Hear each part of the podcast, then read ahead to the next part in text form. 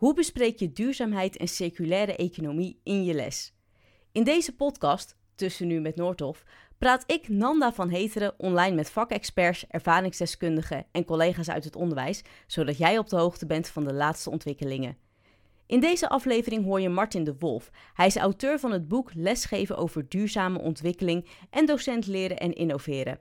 Martin, welkom. Ja, duurzaamheid en circulaire economie. Ik, ik vind het nogal grote begrippen, maar wat houden ze nou precies in? Dag Nana, dankjewel. Ja, het zijn ook ingewikkelde grote begrippen. Uh, en de kunst is om het ook simpel te maken. Um, daar gaan we het straks vast en zeker over hebben. Zeker. Als ik nu ja. in, laten we zeggen, gewoon de grote mensentaal mag uh, uh, uitleggen wat het inhoudt, dan zou ik bij duurzaamheid zeggen: het gaat om een evenwichtig gebruik van hulpbronnen die wij tot onze beschikking hebben. De aarde uh, is, ja, heeft een, een, vaste omvang en inhoud. Je kunt daar niet tot in lengte van dagen alles uit blijven halen. En ook in de lucht kun je niet voortdurend blijven pompen wat, uh, wat we daarin willen pompen. En daar zullen we dus goed over na moeten denken. Uh, het heeft iets met de houdbaarheid van onze aarde te maken. Um, zo noemen we dat dus een evenwichtig gebruik van, van hulpbronnen. Circulaire economie is daar een afgeleid concept van. Uh, waarbij dat het vooral gaat om uh, een uh, evenwichtige economie, waarbij dat je de afvalstoffen die je aan de achterkant van het productieproces hebt, aan de voorkant van een nieuw productieproces weer optimaal probeert te benutten. En dan niet in de vorm van recycling en dat je tweedehands materialen hebt, maar dat je zo slim over het productiesysteem nadenkt dat de afvalstoffen aan de achterkant juist eigenlijk weer ook toegevoegde waarde kunnen hebben voor een nieuw productieproces aan de voorkant. Ook dat klinkt uh, misschien wat abstract, maar ook daar kunnen we het nog wel uh, nader over hebben. Ja, graag. Het klinkt voor mij in eerste instantie niet echt abstract, maar vooral heel erg ingewikkeld. Vooral hoe je het in je les goed kan bespreken. Maar laten we daar straks inderdaad dieper op ingaan. Um, ik, ik, wil je eerst even beter leren kennen. Wie, wie ben je dan en wat doe je dan precies voor werk?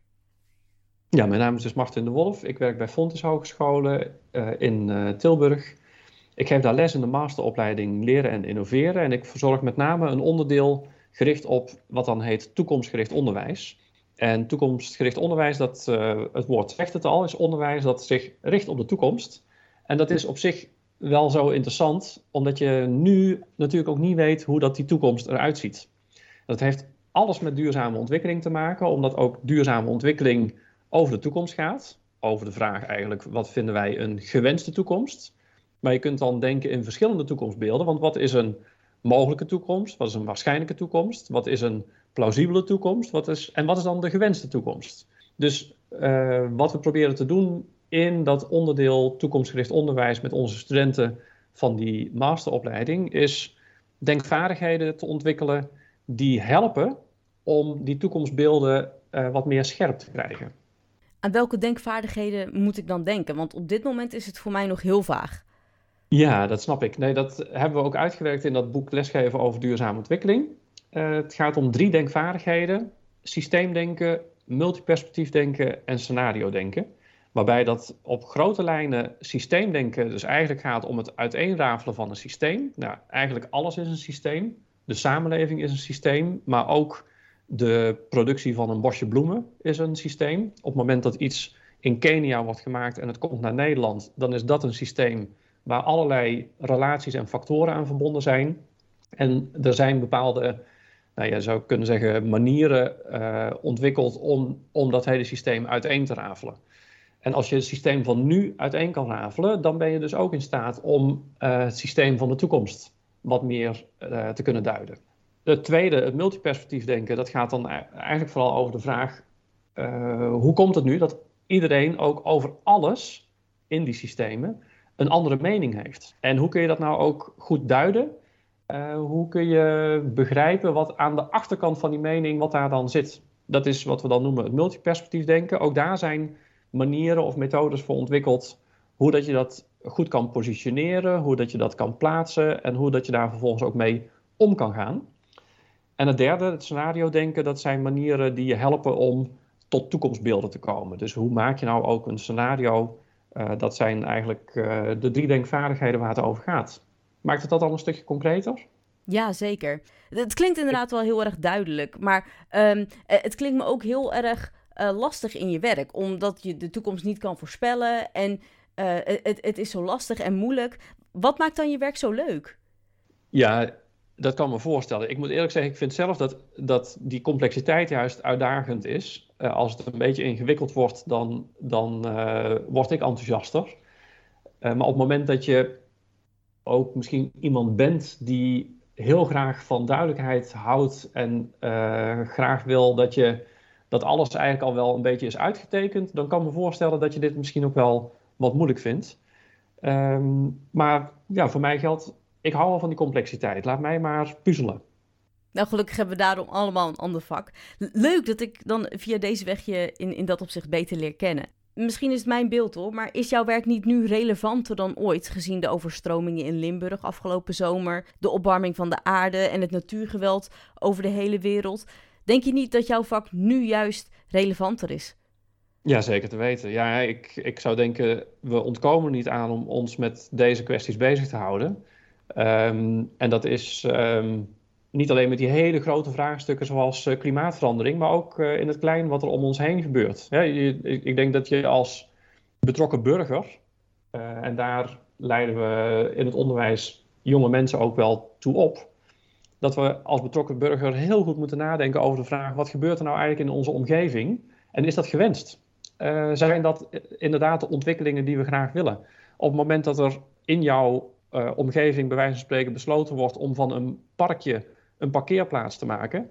Nou ja, daar kun je dan eens goed over nadenken. Is dat dan zo wenselijk? En dan helpt het om uit te kunnen zoomen naar het grotere geheel en relaties te, kunnen zien tussen wat is nou de impact van het handhaven van zo'n parkje en wat is nou de impact van het uh, aanbrengen van een parkeerplaats.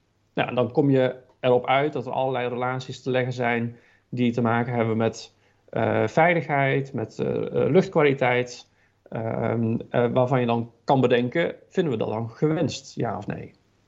Lijkt me een heel moeilijk en een heel mooi vraagstuk trouwens. Maar, maar voor bijvoorbeeld mijn MAVO 2-klasse lijkt me dat echt wel lastig. Laten we straks hebben over hoe je dat dan implementeert in je les. Maar nu even terugkomend op die thema's: duurzaamheid en circulaire economie. Want sinds 2008 is het op 8 oktober de dag van de duurzaamheid. En ook in het onderwijs. Hè, of dat je nou op de basisschool zit of op het MBO, daar wordt aandacht aan besteed. Um, maar hoe wordt op deze dag aandacht besteed aan deze belangrijke onderwerpen? Door zo'n voorbeeld te nemen in de casus van een parkeerplaats? Dat zou kunnen. Je zou uh, met elkaar natuurlijk kunnen afvragen wat gebeurt er in onze omgeving en, en wat voor impact heeft dat op de toekomst. Uh, daar kun je best wel ook in MAVO 2 met leerlingen vragen over stellen. En dat vraagt uh, natuurlijk voorbereiding en een goede begeleiding en een goede structuur. Uh, maar uiteindelijk kun je dat zeker wel, uh, wel doen. maar er zijn ook hele simpele acties, um, zoals bijvoorbeeld voorleesacties. dat, er, dat er verhalen worden voorgelezen die gaan over duurzaamheid of over klimaat of over natuurrampen. En met die voorleesacties, ja, je kunt het daarover, je kunt daarover hebben. Nou zijn die uh, voorleesacties vaak voor het uh, primair onderwijs. Um, maar je zou ook met uh, je leerlingen in VWO 4 of HAVO 5 een documentaire kunnen bekijken. En die documentaire vervolgens zien als een, als een vertrekpunt over de vraag: is dit nou een gewenste toekomst? En als je het anders zou moeten doen, hoe dan? Dus ik hoor je eigenlijk zeggen, door de gevolgen kenbaar te maken en de verhalen persoonlijk te maken, het zij in een verhaal van een ijsbeer die bijvoorbeeld niet meer uh, ja, kan wonen waar die woont, of wat mensen allemaal overkomt door natuurgeweld, door het zo persoonlijk te maken en de gevolgen zo te laten zien, kan er juist voor zorgen dat de bewustwording groeit, toch? Klein beginnen en dichtbij. Dat is denk ik heel belangrijk. Oké. Wa waarom is het zo belangrijk dat deze begrippen van jongs af aan al bij onze leerlingen terechtkomen? Dat legt een basis. Uiteindelijk ook voor later. Uh, een stukje bewustwording wat dat betreft. En het, is natuurlijk, um, het gaat uiteindelijk dan ook over de vraag: wat, uh, wat is je eigen gedrag? En daar komen we op een heel lastig speelveld, want dat valt vanuit het onderwijs natuurlijk moeilijk te beïnvloeden. Maar we weten ook vanuit onderzoek dat het heel helpend is om al op jonge leeftijd over bepaalde zaken na te denken. Er is uh, allerlei onderzoek bekend wat gericht is op bijvoorbeeld ook gezond leven. Daarvan weten we dat uh, door daar aandacht aan te besteden, dat dat impact heeft op het gedrag, ook op latere leeftijd. En dat, dan is er altijd een fase in je leven waarbij dat je dat graag misschien loslaat en denkt, het zal allemaal wel. Maar op een latere leeftijd dan, uh, dan toch wel weer impact. Zo zie ik dat ook met uh, onderwijs voor duurzame ontwikkeling uh, en, en aanverwante onderwerpen.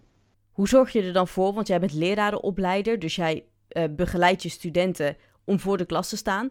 Hoe zorg je er dan voor dat jouw studenten zulke docenten worden dat ze met hun leerlingen daar concreet bij stilstaan en ze wat mee kunnen geven voor de toekomst wat uh, duurzaamheid betreft?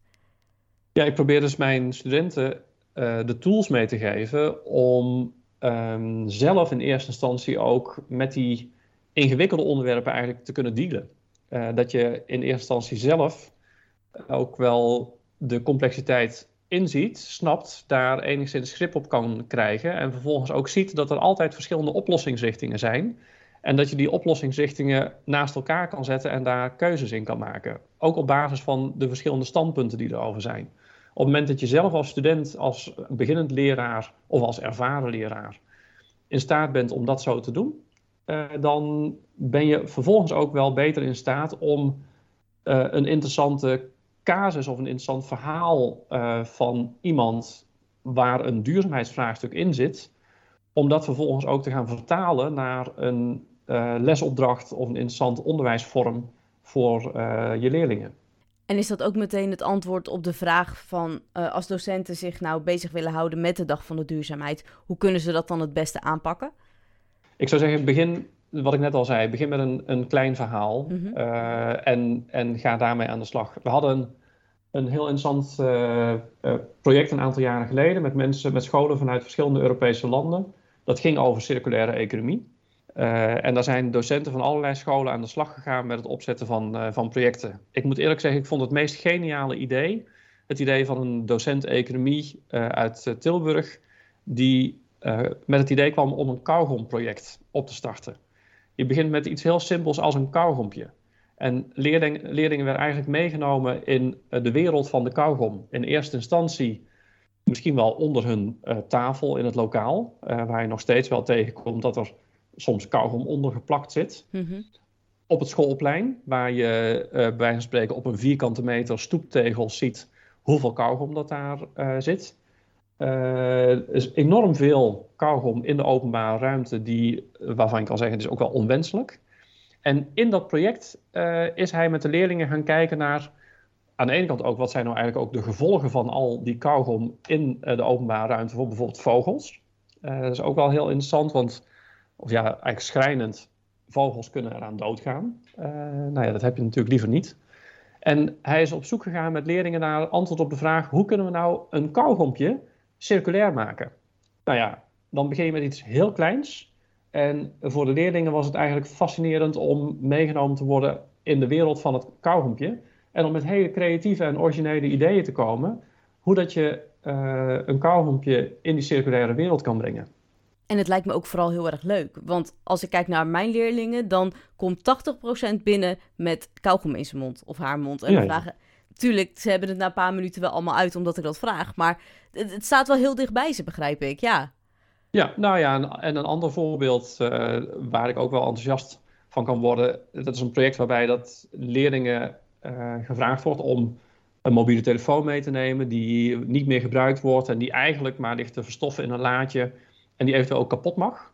En om dan in het lokaal met een hamer en een schroef en apparatuur die uh, mobiele telefoon eens even helemaal uit elkaar te gaan halen. En je vervolgens dan te verwonderen over wat er allemaal in zo'n mobiele telefoon zit. En vervolgens na te gaan denken over de vraag: waar komt dat allemaal vandaan?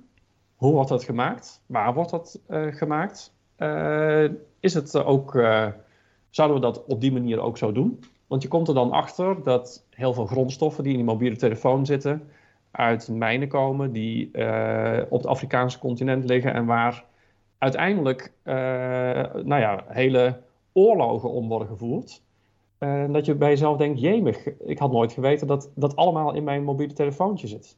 Spannende is dan natuurlijk, hoe ga je daarmee om? Wat, wat doe je daarmee? Nou ja, nadenken over dat soort alternatieven.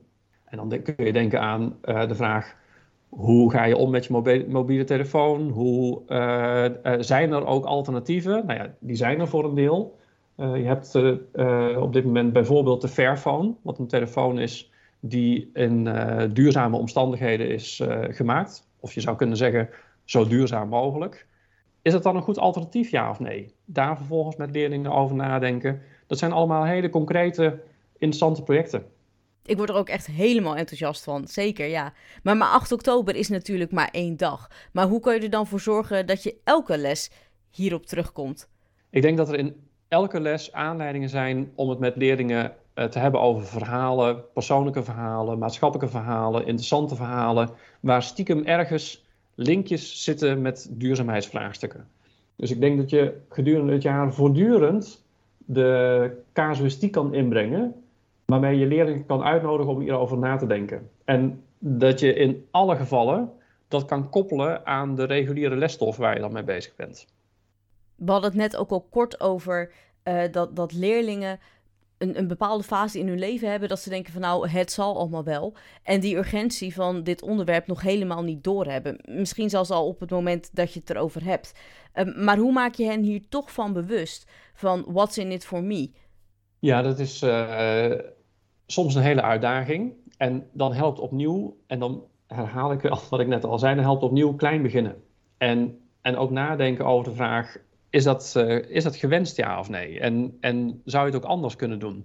Hoe kijken uh, anderen in jouw omgeving daartegen aan? Uh, dus nadrukkelijk stilstaan.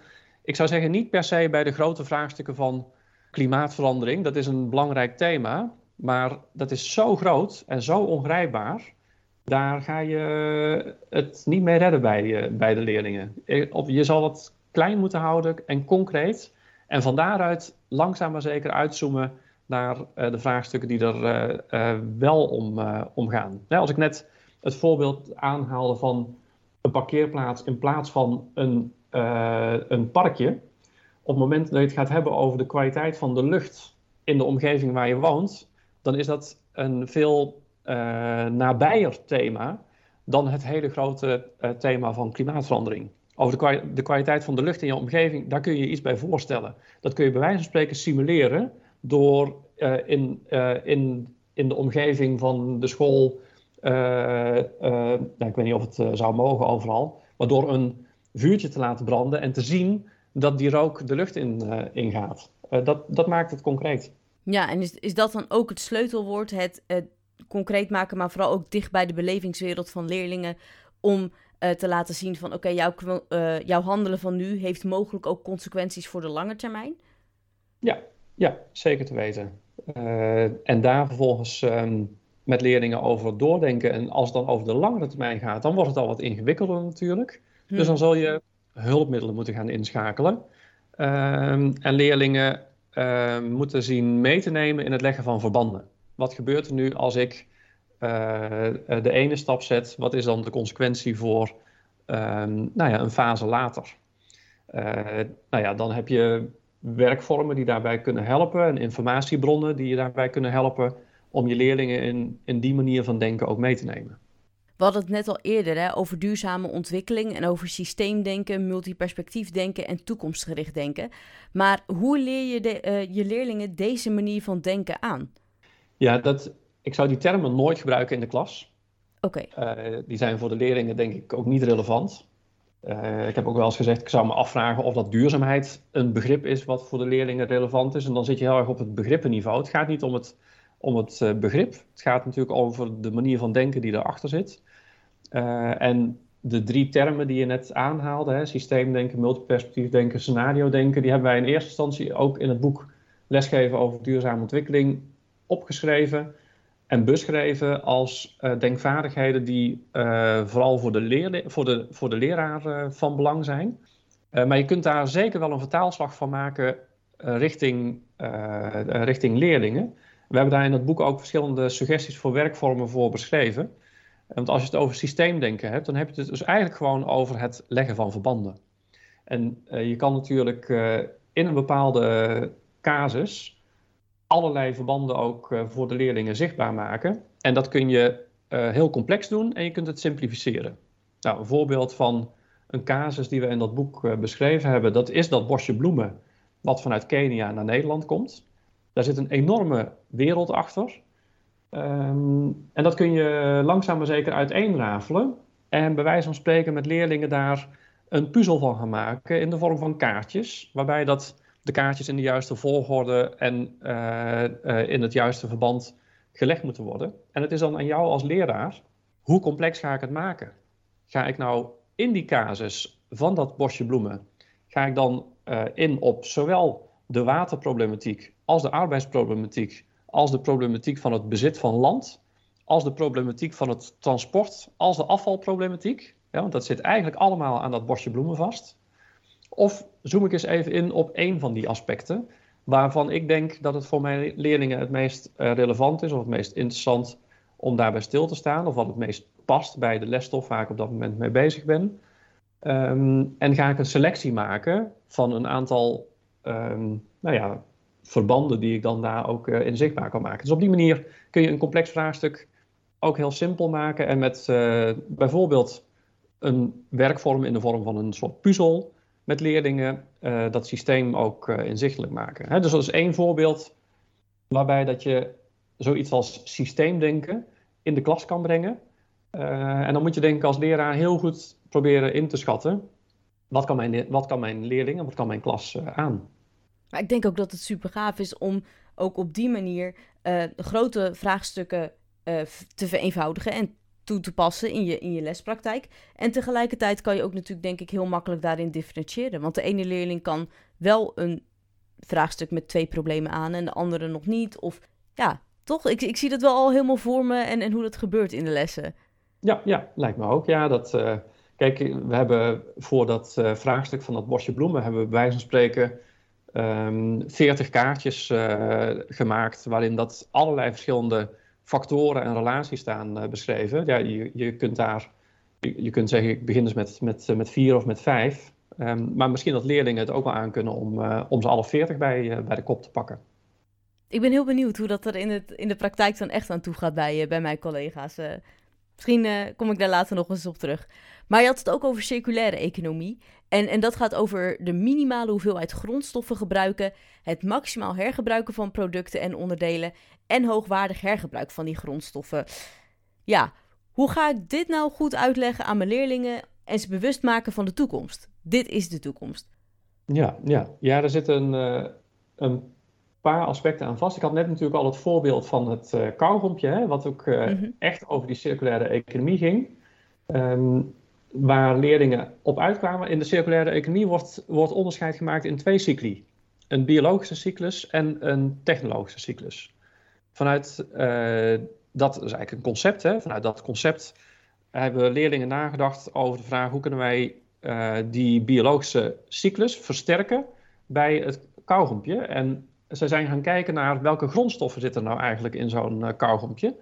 En uh, welke grondstoffen spelen er een rol in dat dat kauwgompje maar zo moeilijk verteert? Dat is, uh, nou, daar kun je vervolgens over nadenken en ook uh, uitkomen op, laten we zeggen, principe-oplossingen. Waarin dat je gaat nadenken over de vraag: hoe kunnen we nou voor zorgen dat dat kauwgompje makkelijker verteert? Dat op het moment dat het op de stoep komt te liggen, dat het bij wijze van spreken niet jaren achter elkaar een zwart vlekje blijft, maar dat het eigenlijk gewoon opgaat in de regen en in de grond. En dat klinkt natuurlijk simpeler en in de werkelijkheid is dat wat, net wat complexer. Maar het feit dat je daar als leerling dan over na gaat denken, dat het dus in de samenstelling van de ingrediënten zou kunnen liggen en dat je daar misschien wel andere keuzes in kan maken, is natuurlijk uh, dan in de basis datgene wat je bij circulaire economie probeert te doen. Kritisch nadenken over welke grondstoffen gebruik ik nou eigenlijk en wat gebeurt er aan de achterkant met mijn product als ik die grondstoffen heb, uh, heb gebruikt.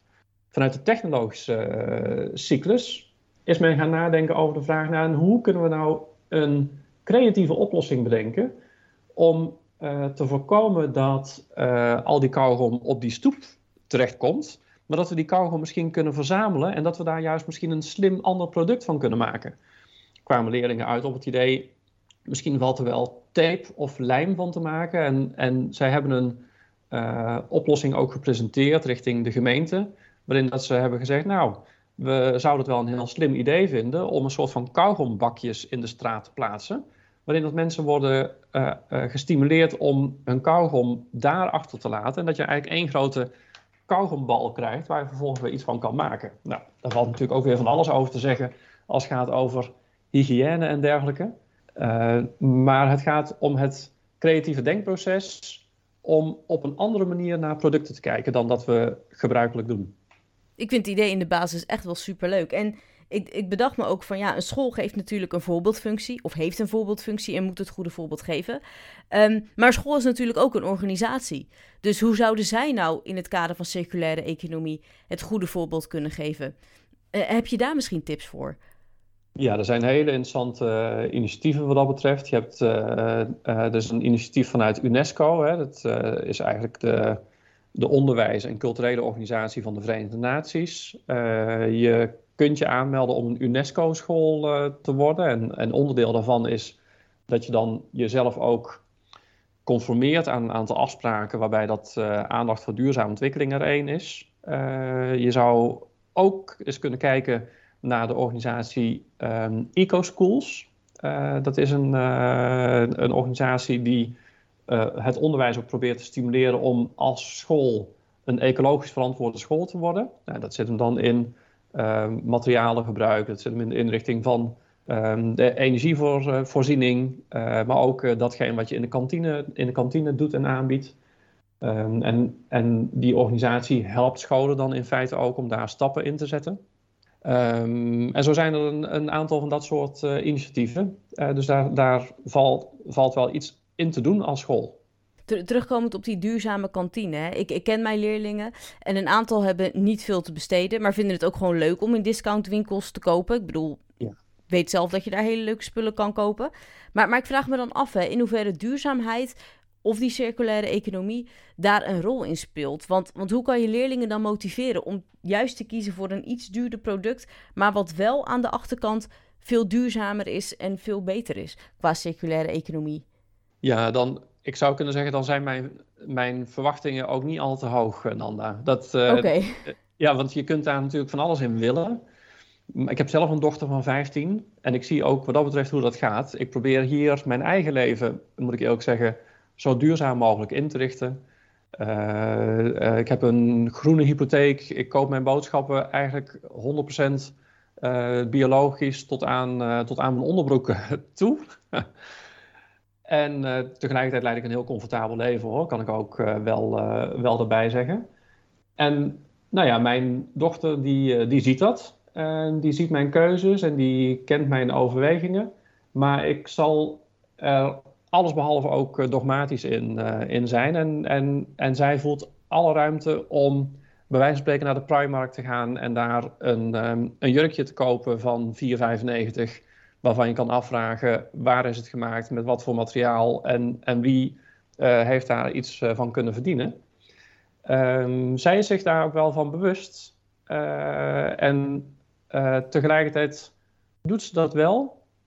Um, is het ook wel eens onderwerp van gesprek. En zie ik het als iets wat in deze fase, uh, nou ja, dan eenmaal zo is. Ingegeven wordt door het systeem ook waar we in zitten. En ik ben heel benieuwd als zij ouder is, welke keuzes ze dan maakt.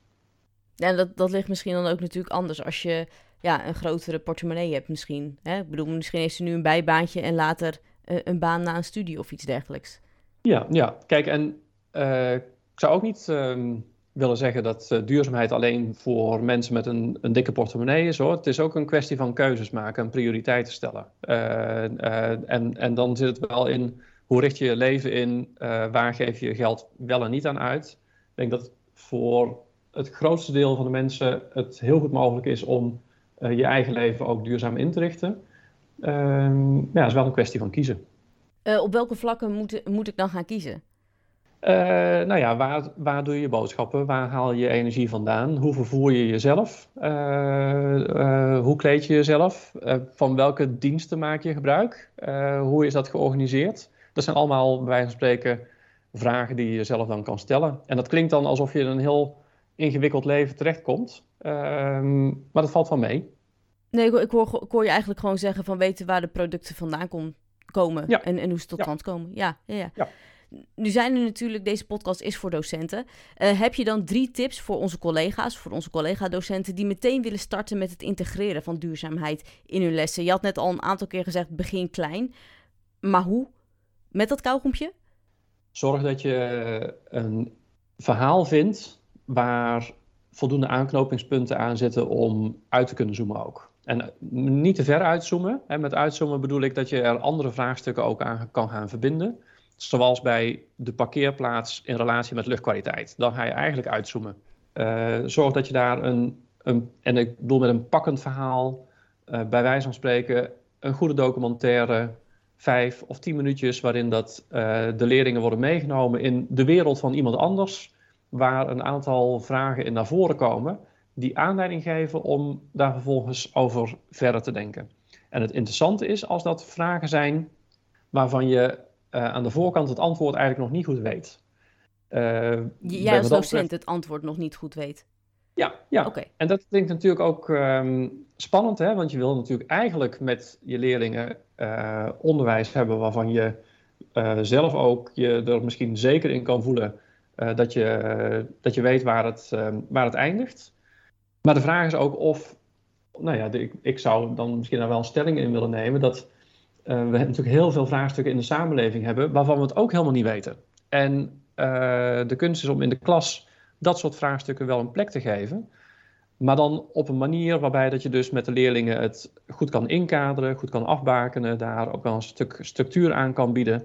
Eh, en met de leerlingen vervolgens samen eh, tot de ontdekking komt dat er meerdere antwoorden mogelijk zijn. Nou, en als je dan meerdere antwoorden hebt, als het gaat over bijvoorbeeld die parkeerplaats, moet die parkeerplaats er komen? Nou, dan heb je een antwoord ja en je hebt een antwoord nee. Beide antwoorden kunnen even legitiem zijn. Je hebt verschillende argumenten. En hoe ga je nou die argumenten tegenover elkaar eh, wegen en neerzetten? Ehm, dat, eh, eh, dat soort manieren van denken, ik denk dat het goed zou zijn om dat in de, in de klas in te brengen met pakkende verhalen. En dan is misschien het voorbeeld van de parkeerplaats niet het meest pakkend. Ik denk dat het mobiele telefoontje en de kauwgom eh, eh, net wat eh, meer aanslaat bij waar de leerlingen natuurlijk zelf mee bezig zijn. Maar ga op zoek naar die verhalen. Maar in die parkeerplaats hoor ik je ook weer een hele nieuwe onderzoeksmethode in het onderwijs. Want trial and error wordt natuurlijk wel in de wetenschap regelmatig toegepast. Maar wat je zegt, wij docenten vinden het ook wel fijn om van tevoren te weten als leerlingen een practicum of een onderzoek gaan doen, wat de uitkomst zou kunnen zijn. Maar dit moeten ze natuurlijk ook leren. Ja, dan, dan, en dan gaat het denk ik om het verschil in eh, wat vind je belangrijk in dat leerproces. Vind je de uitkomst belangrijk of vind je het denkproces daarin belangrijk? En dat leerlingen dus eigenlijk laten zien dat ze bepaalde denkstappen kunnen nemen. En dan is de vraag, hoe waardeer je de denkstappen en hoe waardeer je de uitkomst? Nou ja, dat, ik denk dat dat zaken zijn waarvan het ook interessant kan zijn om, om met je collega's het eens er nader over te hebben. Dat denk ik ook, ja. Ik, ik weet in ieder geval wat ik volgende week ga bespreken in de personeelskamer. Eh, dankjewel voor je heldere en, eh, en goede uitleg. En succes met de Dag van de Duurzaamheid. Dankjewel Nanda, ja ook veel succes. Dankjewel. Je kan trouwens al eerder starten met circulaire economie in je lessen verweven. Want vanaf half oktober is er bij de nieuwe pincode 7e editie HAVO-VWO een gratis online katern over circulaire economie beschikbaar. En ook bevat de Bosatlas van de Duurzaamheid een gratis lespakket met atlaskaarten online en ook aanvullende opdrachten. Ga daarvoor naar bosatlasvandeduurzaamheid.nl en dan klik je op lesmateriaal. Maar voor nu bedankt voor het luisteren naar de podcast Tussen Nu met Noordhof. Wil je geen aflevering missen? Ga dan naar je favoriete podcast-app om de verhalen te luisteren en abonneer je op deze podcast. Ben je enthousiast geworden of, of wil je meer weten? Noordhof organiseert ook trainingen. Ga naar noordhof.nl slash podcast voor meer informatie.